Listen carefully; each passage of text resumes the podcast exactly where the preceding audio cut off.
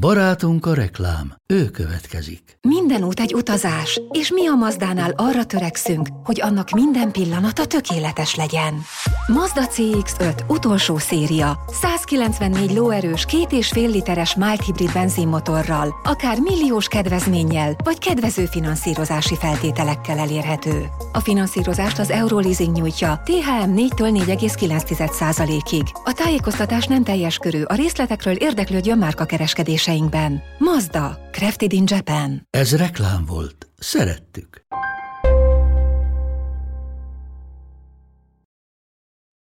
...2021. júniusának egyik estéjén egy 40 éves nő a kutyájával a lakhelyéhez közeli parkban sétált, amikor valaki rátámadt és brutálisan végzett vele.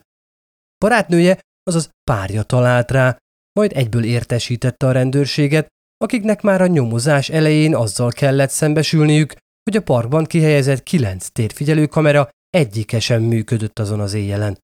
Így azok semmiféle segítséget sem adtak a borzalmas tett elkövetőjének felkutatásában. Ahogy az áldozat édesapja fogalmazott, egy szörny mászkál szabadon Atlanta utcáin.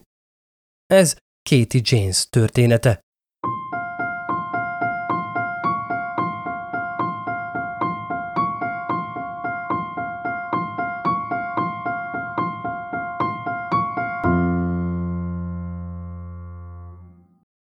Sziasztok! Szatmári Péter vagyok, és te pedig a Bűntények podcastet hallgatod.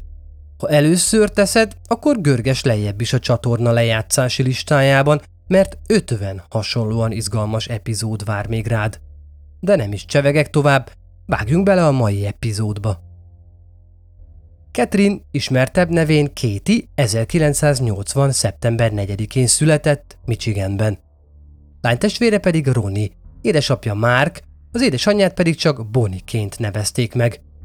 Kitty felnőttként a georgiai Atlantába költözött, és 33 évesen ott találkozott az akkor 23 éves Emma Clarkkal, akivel rövid randizgatást követően összeköltöztek. A források Emmára Kéti partnereként, barátnőjeként, jegyeseként és feleségeként is hivatkoznak. Mivel Emma Kétire barátnőként utal nyilvános megszólalásaikor, én is ezt fogom használni. A pár Atlanta felkapott központjában élt, ami a város legbiztonságosabb környékének hírében állt. Emellett több kulturális és művészeti központ csoportosult itt egy helyen, méghozzá olyannyira sok, hogy Amerika délkeleti régiójának művészeti centrumaként is hivatkoznak rá. Nem mellesleg pezseg az éjszakai élet, rengeteg az étterem és a bolt. Kéti az egyik ilyen olasz vendéglőben dolgozott főállásban pultosként. Mellette pedig az szintén a központban található improvizációs színház, ismertebb nevén az egész világ improvizációs színház büféjét is ő vezette. A szociális igazság érzete nagy volt. Pontosan ezért nagy szerepet vállalt a helyi LMBTQ közösség életében is. Kéti olyan szabad szellemű, kreatív művész lélek volt – oda volt a zenéjért. Annyira, hogy gitárleckéket is vett, de csak saját magától. Dalokat írt, amiket rögzített és feltöltött a Soundcloud-ra. Link a leírásban. Megszállottan olvasott és szinte gyűjtötte a könyveket. A munkatársai hatalmas szívű embernek írták le, és szerencsésnek érezték magukat, hogy ismerhetik, annyira különleges személyiségnek tartották. Kéti igyekezett a maga módján jobbá tenni a világot. Emma és Kéti a tragikus esetet megelőzően már házasságkötésen is gondolkozott, illetve azon, hogy vásárolnak közösen egy házat. A pár a Piedmont Park sarkán lakott, amire Atlanta Central Parkjaként hivatkoznak. A majdnem 800 négyzetméteres park a város észak-keleti részében terül el. Otthont ad rengeteg sétaútnak, két tónak kutyaparknak, sőt még egy úszoda is található a területén. Az évente megrendezett Pride hónap során pedig a szabadtéri koncertsorozat helyszíneként is szolgál. Mivel a pár munka és lakhelye csak pár sarokra volt egymástól, javarészt gyalog közlekedtek. Ezt nem is bánták, sőt imádtak sétálni a környéken és a parkban. Az akár késő esti sétáikra a kutyusaikat is elvitték. A mai világban pedig micsoda luxus az, hogy sem tömegközlekedésre, sem pedig autóra nincs rászorulva az ember. Egy csipetnyi fenntarthatóbb élet egy nagy város közepén. 2021. július 27-ének éjszakáján az időjárás kifejezetten kellemes, 25 fok körüli volt. Emma aznap munkába ment a tizedik utcai Henry's nevezetű bárba. Kéti szabad volt, ő nem dolgozott akkor este. Ilyenkor kutya sétáltatás közben gyakran meglátogatta barátnőjét a munkahelyén. Így tett ezen a napon is.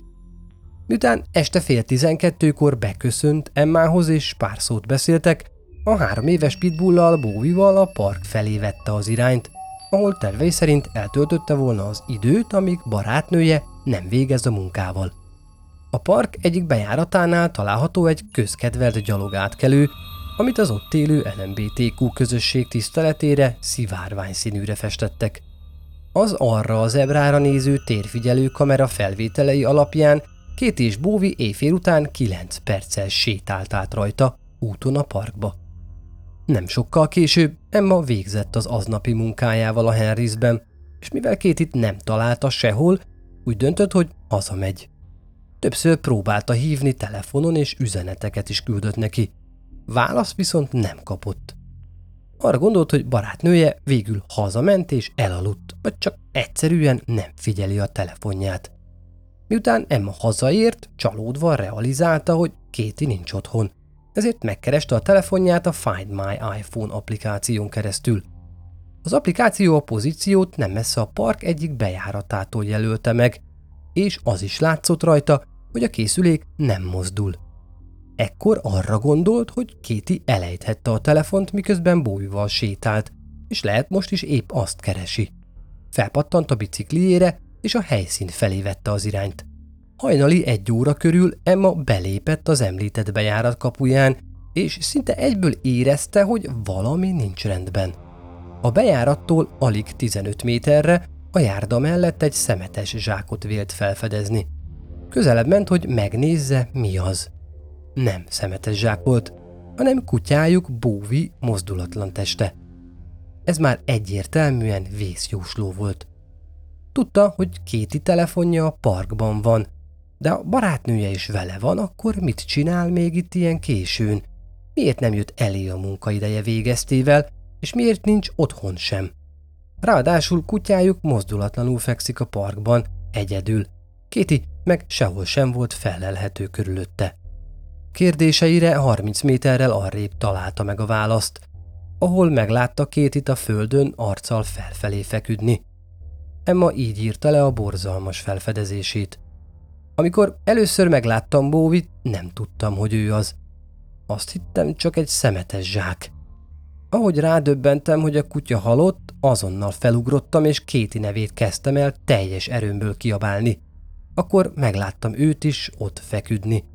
Oda rohantam hozzá, és az arcára tettem a kezem, majd megnéztem a pulzusát. De ez sem kellett igazából ahhoz, hogy tudjam, már nem él. Vér volt mindenhol, és a torka át volt vágva. Miután átlátta a helyzetet, Emma félelmében, hogy a támadó még a közelben lehet, a park bejáratához rohant és tárcsázta a segélyhívót, éjjel 1 óra 11 perckor. Eszeveszetten próbálta elmondani az operátornak, hogy mi történt, miközben kérlelte, hogy küldjön segítséget. A hívás első percében sikoltás hallatszik, majd Emma egy férfihez beszél, akinek azt mondja, hogy láttad? Az ott a kibaszott barátnőm. Atlanta 911, operator 795 What's the address to your 911 segélyhívó, miben segíthetek? Piedmont Park? A Piedmont Parkban vagyok, a barátnőmet kerestem, mert nem találtam. Ha halott, kérem segítsen. A Piedmont Parkban van? Igen, kérem segítsen. Kérem. Igen, asszonyom, küldöm a segítséget. Úristen, úristen, megmondaná a nevét? Get a callback number. Visszahívási száma? Rendben.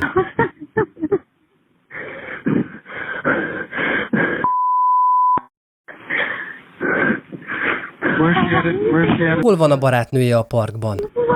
A bejáratnál.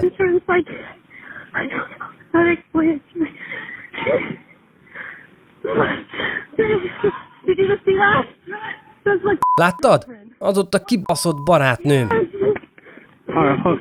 Rendben. Please, oh my god, dude. Ó, Istenem, halott. Rendben. Hívom a kórházat. please. Kérem.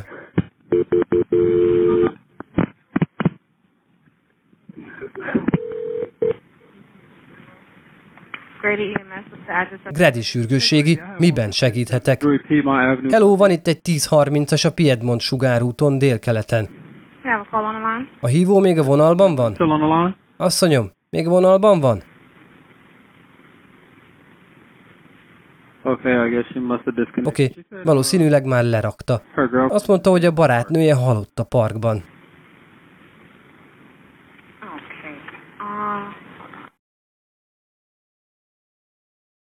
girlfriend is dead in the park? Yeah. Oké, okay. a barátnő halott a parkban. Okay, did she Igen, a Piedmont parkban. Mondta, hogy hol vannak a parkon belül? Azt mondta a bejáratnál. A 40 éves Katie James-t a helyszínen halottnak nyilvánították. A legfrusztrálóbb pedig az volt, hogy a parkban több kamera is fel volt szerelve, amik könnyedén segíthettek volna beazonosítani a tettest. Viszont aznap éjjel egyik sem működött. Mennyi az esély arra, hogy valakit egy biztonságosnak vélt parkban meggyilkoljanak, pont akkor, amikor annak térfigyelő kamerái nem működnek? Ha engem kérdeztek, ez több, mint puszta véletlen. A szerencsétlenül járt Kéti és Bóvi felfedezése csak a kezdet volt Emma számára. Hosszú és kimerítő nyomozás kezdődött nem sokkal ezt követően, ami igencsak felkavaró részleteket is a felszínre hozott. Az egyik legérdekesebb aspektusa a nyomozásnak az, hogy az FBI is azonnal bekapcsolódott. Gondolhatnánk, hogy ez a protokoll, de igazából ez igen ritka. Gyilkosságok történnek minden államban az USA-ban, de azok csak ritkán kerülnek szövetségi hatáskör alá, hiszen nem mindig sértenek ilyen törvényeket. Például egy szövetségi ügynököt ölnek meg, vagy szövetségi területen történik az eset, mint amilyenek a nemzeti parkok. Az FBI csak akkor avatkozik be, arra valamilyen szövetségi törvény megsértése okot ad. Egyébként nem. Adják, hogy a bűnügyekben az állami hatóságok járjanak el. Kéti esetében az a spekuláció kapott szányra az FBI megjelenését követően, hogy azok vagy azért csatlakoztak, mert Kéti ügye valamilyen módon az államokon átívelő sorozatgyilkossághoz kapcsolódik, vagy potenciálisan gyűlöletgyilkosság történt, ami szintén szövetségi hatáskörű. Mivel Kéti aktívan részt vett az atlantai meleg közösség életében, ezért ez a lehetőség elég valószínűtlen bizonyult. A rettenetes felfedezés és az FBI bekapcsolódását követően Kéti barátjai és családja gyászolni kezdték az értelmetlenül elvesztett szerettüket. 2021. augusztus 1-én virrasztást tartottak a tiszteletére a Piedmont Parkban. Az eseményen részt vett Emma és családja, akik Kétit sajátjukként szerették, illetve munkatársak és barátok is. Emma édesapja, Clark Joe még beszédet is mondott Kéti tiszteletére a rendezvényen, ahol kiemelte a lány kedvességét. A parkban a bejárattól nem messze Kéti és Bowie testének helyén kisebb emlékhelyet alakítottak ki, ezzel is felhívva a figyelmet az ott történt erőszakos esetre. Emellett rendőrök és önkéntesek plakátolták tele a környéket, ezáltal keresve olyan személyeket, akik bármiféle információval rendelkeznek aznap éjjelről vagy a történtekről. 10 ezer dolláros, azaz majdnem 3,6 millió forintos díjat is felajánlottak a nyomra vezetőnek, mivel senki sem látott semmit, és ahogyan azt már említettem, a kamerák sem működtek. Rendőrök járták a parkot kérdezősködve és olyan gyakori látogatók után kutatva, akik láthattak valamit, ami kicsit is eltért a megszokottól. Nem jártak sikerrel. Talán pont ezért sok teória látott napvilágot Kéti brutális meggyilkolásával kapcsolatban. Az egyiket pont az esetet feldolgozó hír YouTube videója alatt megjelenő kommentek egyike indította el. Valaki ugyanis azt írta a videó alá, hogy idézem, fogadni mernék, hogy a gyilkos is jelen volt a virrasztásom. Ez nagyon is lehetséges feltételezés. Több más esetből is tudhatjuk, hogy a gyilkosok sokszor közel maradnak a helyszínhez, Visszajárnak oda és igyekeznek a nyomozást is követni. Szeretik hallgatni, ahogyan az emberek róluk beszélnek. Egy szóval ez igenis egy elképzelhető teória. A rendőrség szerint ráadásul Kéti ismerhette támadóját. Erre leginkább abból következtettek, hogy Bowie a kutya, aki fajtáját tekintve pitbull terrier volt, hagyta, hogy a támadó elég közel kerüljön a gazdájához, annyira, hogy az meg is támadhassa. Mint tudjuk, erre a fajtára ez a viselkedés kifejezetten nem jellemző, hogy hagyja veszélynek kitenni a gazdáját. Hűséges és védelmező típus. Sőt, sokszor az a téves feltételezés él a köztudatban róluk, hogy vérengző vadállatok, pedig nem azok. Legalábbis nem alapból ilyen a természetük. Mi emberek tesszük őket azzá, saját kényünkre, kedvünkre. A rendőrség másik teóriája szerint, ha Bowie nem ismerte a gyilkost, akkor nagy valószínűséggel megtámadta azt. Ezt az bizonyítaná, hogy végeztek a kutyával, és nem csak egyszerűen elzavarták. Pontosan ezért a rendőrök olyan személyek után is kutattak a környéken, akik karján friss sérülésnyomok voltak láthatóak, amik feltehetően a kutyával folytatott küzdelem eredményeként kerültek oda. Bár az is lehetséges, hogy a támadó a kutyával végzett először, és csak azt követően fordult két ellen. De erre hogyan volt lehetősége és ideje egy nyilvános parkban?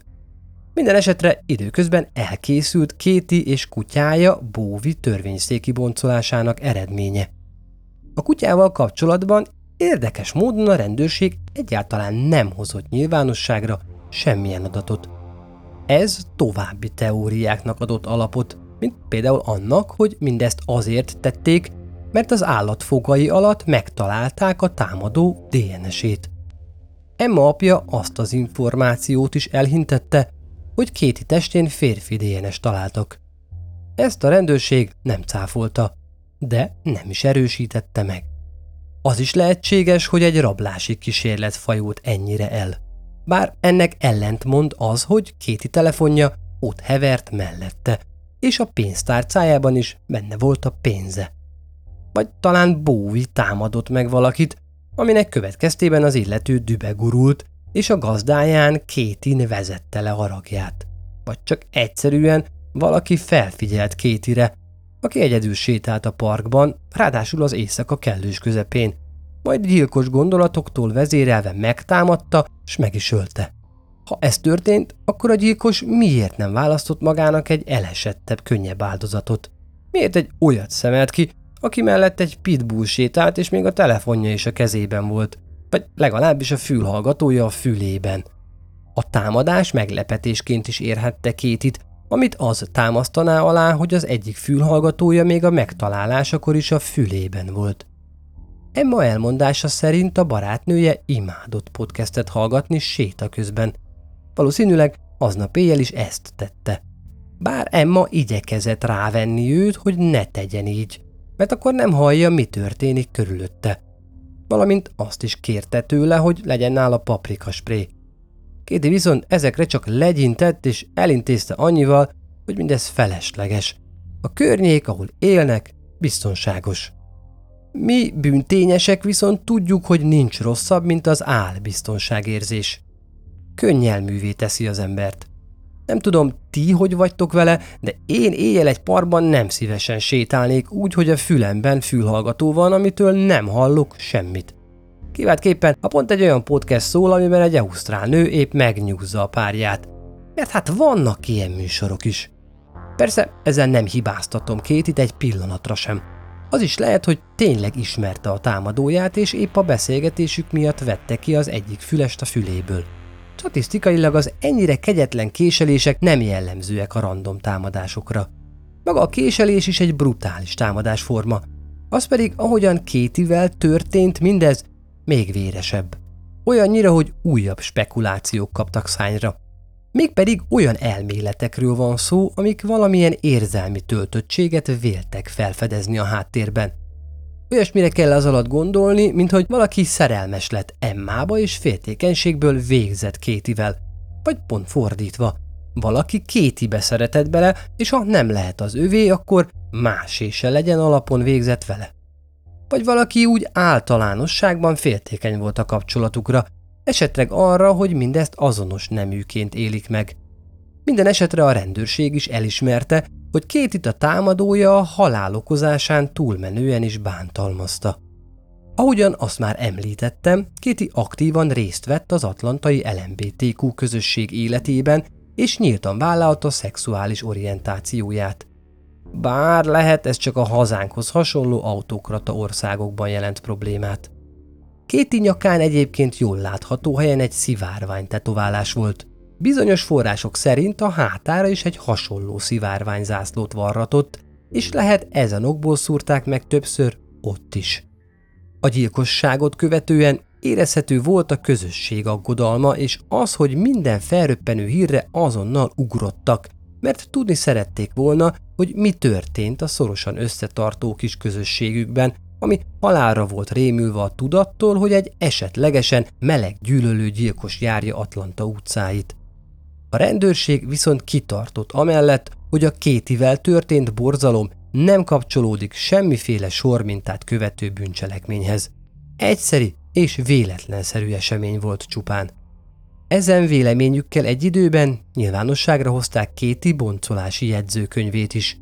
A dr. Karen Sullivan által végzett hivatalos törvényszéki boncolás tanúsága szerint a halálokát az arcra, a nyakra és a testre éles tárgyal mért sérülések okozták, amik az ott található ereket és szerveket súlyosan roncsolták. Halált okozó sérüléseken felül kéti testét további 50 késszúrás érte, és meg is csonkították. Bár kétit arccal felfelé találták meg, a földön fekve, a hátán is 15 kés szúrás érte. Ez azt is jelenthette, hogy a támadás alapvetően hátulról érkezett a gyanútlanul sétáló nőre. A torkát olyan mélyen vágta el az elkövető, hogy azzal alig, ha nem lefejezte. Ne felejtsük el, hogy mindez egy nyilvános parkban történt, még akkor is, ha késő éjjelről van szó. A támadó rászánta az időt mindarra, amit tett. A rendőrség pontosan ezért mondta azt, hogy két itt a támadója halált okozóan túlmenően bántalmazta, amit az esetek nagy részében valamilyen érzelem irányít. Gyűlölet vagy szeretet, mely kettő közt sokszor nagyon keskeny a határvonal. A leggyomorforgatóbb része a sérüléseknek a kéti hasába feje lefelé belevésett F-A-T betűk voltak, ami egybeolvasva az angol fett, azaz kövér szót adja ki. Még egyszer megemlíteném, ha ez egy teljesen random támadás volt, akkor az elkövető miért fektetett ennyi energiát abba, hogy változatos módon meggyalázza áldozata holtestét. Mindezt egy parkban. Ráadásul a kéti kezén található védekezésre utaló nyomok alapján azt feltételezték, hogy a támadás során egy darabig eszméleténél volt. Maga a gyilkosság is érthetetlen, az pedig, hogy így módon meggyalázzanak valakit, még inkább az. Kéti 165 cm magas és 68 kg-os volt. Ezzel nagyjából átlagos testalkotú, semmiképpen sem kövér. Talán az FAT valami mást jelentett. Talán valami szignifikáns dolgot a gyilkosnak, de az is lehet, hogy monogram vagy rövidítés. Mivel a Piedmont park kamerái nem működtek, a rendőrség csak a parkon kívüli térfigyelő felvételi alapján tudta többé-kevésbé felállítani az aznap este történtek időrendjét. 11 óra 54 és 11 óra 55 között három nő sétált ki a parkból. Két és Bóvi éjfél után 9 perccel jelent meg a park ugyanazon bejáratánál. Mindösszesen 15 perccel a három nőt követően. Újabb 15 perccel később, 12 óra 25 perckor egy talpig fehérbe öltözött férfi sétapálcával a telefonját nyomkodva hagyta el a parkot egy másik kiáraton keresztül. Majd 20 perccel később, 12 óra 43 perckor egy kapusznis pulóvert és kék farmert viselő férfi is megjelent ugyanannál a kiáratnál. Pár perccel később, 12 óra 46-kor egy fekete rövidnadrágot viselő futó futott ki azon a kiáraton, amitől nem messze Emma felfedezte Kéti és Bóvi holtestét 1 óra 11-kor. Vajon az alig 25 perccel előbb megjelent futó láthatta a földön fekvő testeket? Vagy azok még akkor nem voltak ott? És ha így volt, akkor lehet, hogy Emma tényleg csak percekkel került el barátnője támadóját. Ebből az derül ki számunkra, hogy a parkon kívüli kamerák működtek, csak a parkon belüliek voltak valamilyen oknál fogva kikapcsolva. A rendőrség az említett felvételeket nyilvánosságra hozta, azzal a kéréssel, hogy a rajtuk szereplő személyek keressék fel őket, ha tehetik. Egyetlen egy ember tette ezt meg, méghozzá a percekkel a holtestek felfedezése előtt arra futó alak. Azonban semmiféle kézzelfogható információval sem tudott szolgálni az ügyjel kapcsolatban, és gyanúsítottként sem hallgatták ki. Minden esetre az elég érdekes, hogy a felvételen szereplők közül csak egyetlen egy személy került elő. Már az is lehet, hogy a többiek nem a környéken éltek, és csak átutazóban voltak Atlantában. Egy érdekes nyomot viszont úgy tűnt nem is vizsgáltak a nyomozók. Mégpedig a segélyhívás közben a háttérben hallható férfit. Vele kapcsolatban semmiféle információ sem látott napvilágot. Nem lehet tudni, hogy beazonosították-e, és ha igen, akkor kikérdezték-e. A rendőrség nem sokkal később bejelentette, hogy már közel járnak ahhoz, hogy megoldják kéti ügyét. Valószínűleg valamilyen erős nyom vagy információ lehetett a birtokukban, amire ezt alapozták. A nagy bejelentés ellenére viszont letartóztatás nem történt. 2021. augusztusára a médiában egyre több álhír kezdett el terjedni. Ez már olyan méreteket öltött, hogy a hatóság hivatalosan is megkérte a közösséget, hogy hagyjanak fel a hamis hírek gyártásával, és hagyják a hatóságot dolgozni. A történtek következtében a média számára összeállítottak egy dokumentumot, melyben összegyűjtötték az ügyel kapcsolatos valótlan híreket. Ennek alapján kérték a médiát, hogy szűrjék az általuk közölt információkat. Az egyik ilyen felröppent, de valótlan hír az volt, hogy a környéken azonos időben egy másik, hasonló gyilkossági eset is történt, ami így egy sorozatgyilkosra enged következtetni. Kéti halálának napján ugyanis egy másik fiatal nőt is holtan találtak, szintén egy parkban, alig egy órányira Atlantától keletre. Az akkor 18 éves Tori Langot fejbe lőtték, majd holtestét egy park tavába dobták kövekkel a lábán. A kocsiját felgyújtották. A rendőrség közzétette a testen talált tetoválások fotóját, amit a lány családja felismert, így sikerült beazonosítani. Talán a park és a tetoválás voltak azok a tényezők, amik alapján felröppent a híresztelés a közösségi médiában a két ügy kapcsolatáról. Hatóság természetesen a kezetektől fogva tagadta, hogy bármiféle kapocs lenne a két eset között, és igyekezett azok eltéréseit kiemelni. 2022. április 15-én, azaz szó szerint csak pár héttel ezelőtt a rendőrség bejelentette, hogy elkapták Tori feltételezett gyilkosát, aki a nő egyik 20 éves barátja, név szerint Austin Ford. A férfit letartóztatását követően azonnal megvádolták a gyilkossággal. Tori esetében így már bizonyos, hogy ismerte támadóját. Kéti pedig talán igen, talán nem. Mint ahogyan az gyilkossági ügyekben lenni szokott, az elhúnyt párja az első, aki felmerül, mint lehetséges elkövető a nyomozók fejében. Emma sem volt kivétel ez alól, aki miután vérbefagyva találta barátnőjét, felhívta bátyját, aki riasztotta édesapjukat, aki végül még akkor éjjel megérkezett lánya mellé, hogy segítsen neki átvészelni a tragikus időszakot. Miközben Emma próbálta épp észszel felfogni a történteket, a rendőrség lefoglalta a mobilját és átkutatta kétivel közös lakásukat is. Emma természetesen teljesen ártatlannak vallotta magát a rendőrség azon kérdéseire, amik barátnője halálára vonatkoztak. Igazából ő is az egyik áldozata volt a kegyetlen tetnek. Mindezek ellenére voltak, és talán vannak olyanok, akik szerint közeleltett a gyilkossághoz. Emma unoka nővére kezdeményezésére 80 ezer dollárnyi, majd 29 millió forintnyi adomány gyűlt össze a tragédia megsegítésére létrehozott GoFundMe oldalon. Ezt a pénzt Emma részben a költségek fedezésére, némi adományozásra és a nyomra vezetői díj emelésére használta fel, ami ma már 20 ezer dollárra, 7 millió forintra rúg.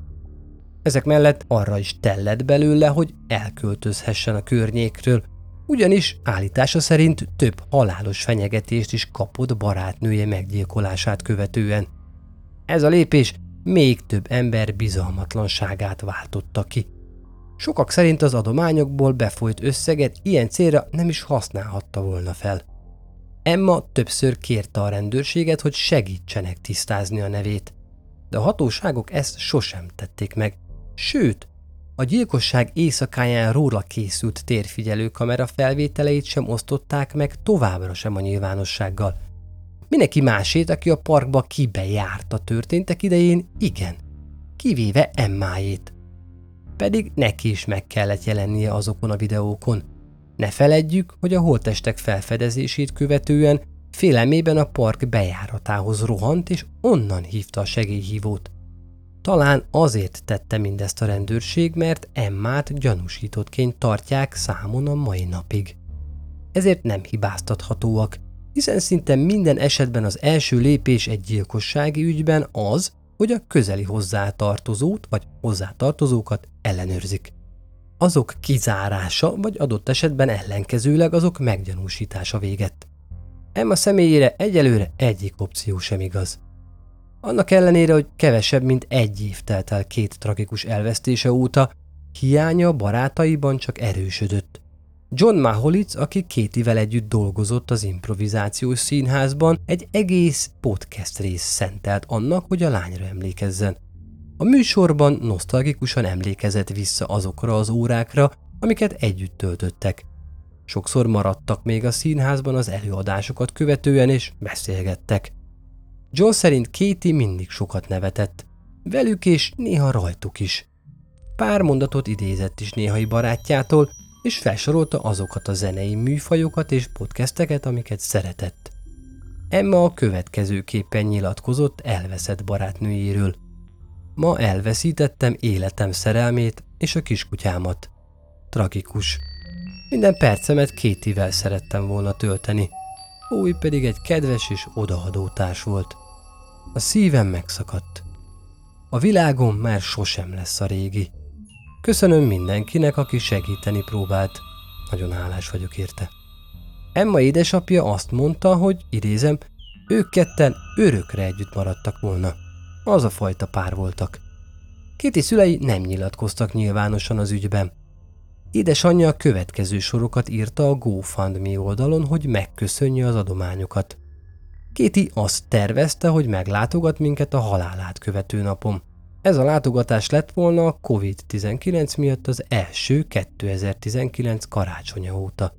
Kéti nagyon izgatott volt, hogy újra személyesen találkozhat velünk és az itt élő barátaival. Talán ez az, ami még jobban rátelepedett a lelkemre. Nagyban hozzájárult gyászom elmélyüléséhez. Kétinek ragyogó humora volt. Intelligens és elkötelezett volt környezete és barátai iránt, akiket az atlantai közösséggel együtt megrázott a kegyetlen és véres támadás. Engem egészen a lelkemig lerombolt. Kéti erős volt kívül, belül.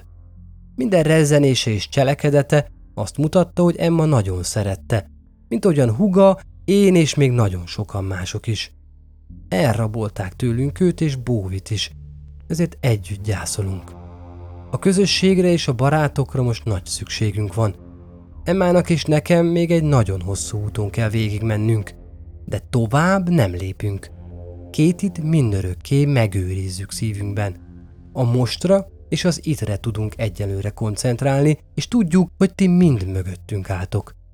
Mindenkinek köszönöm a jóságát és a támogatását.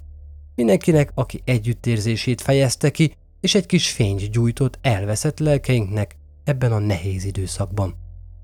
Emma apja kicsit lényegre törőbben úgy fogalmazott, hogy ez egy rettenetes és erőszakos halál volt.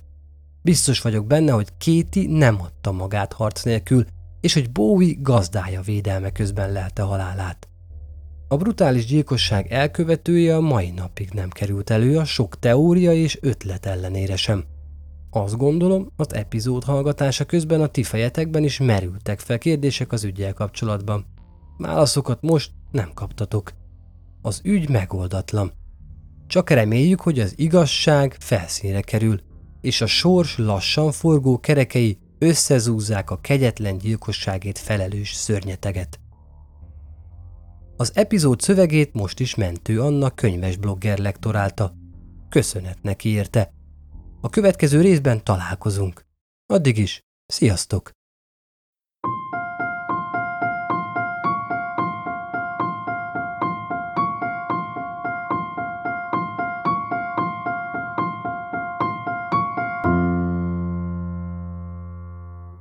Ez a műsor a Béton közösség tagja.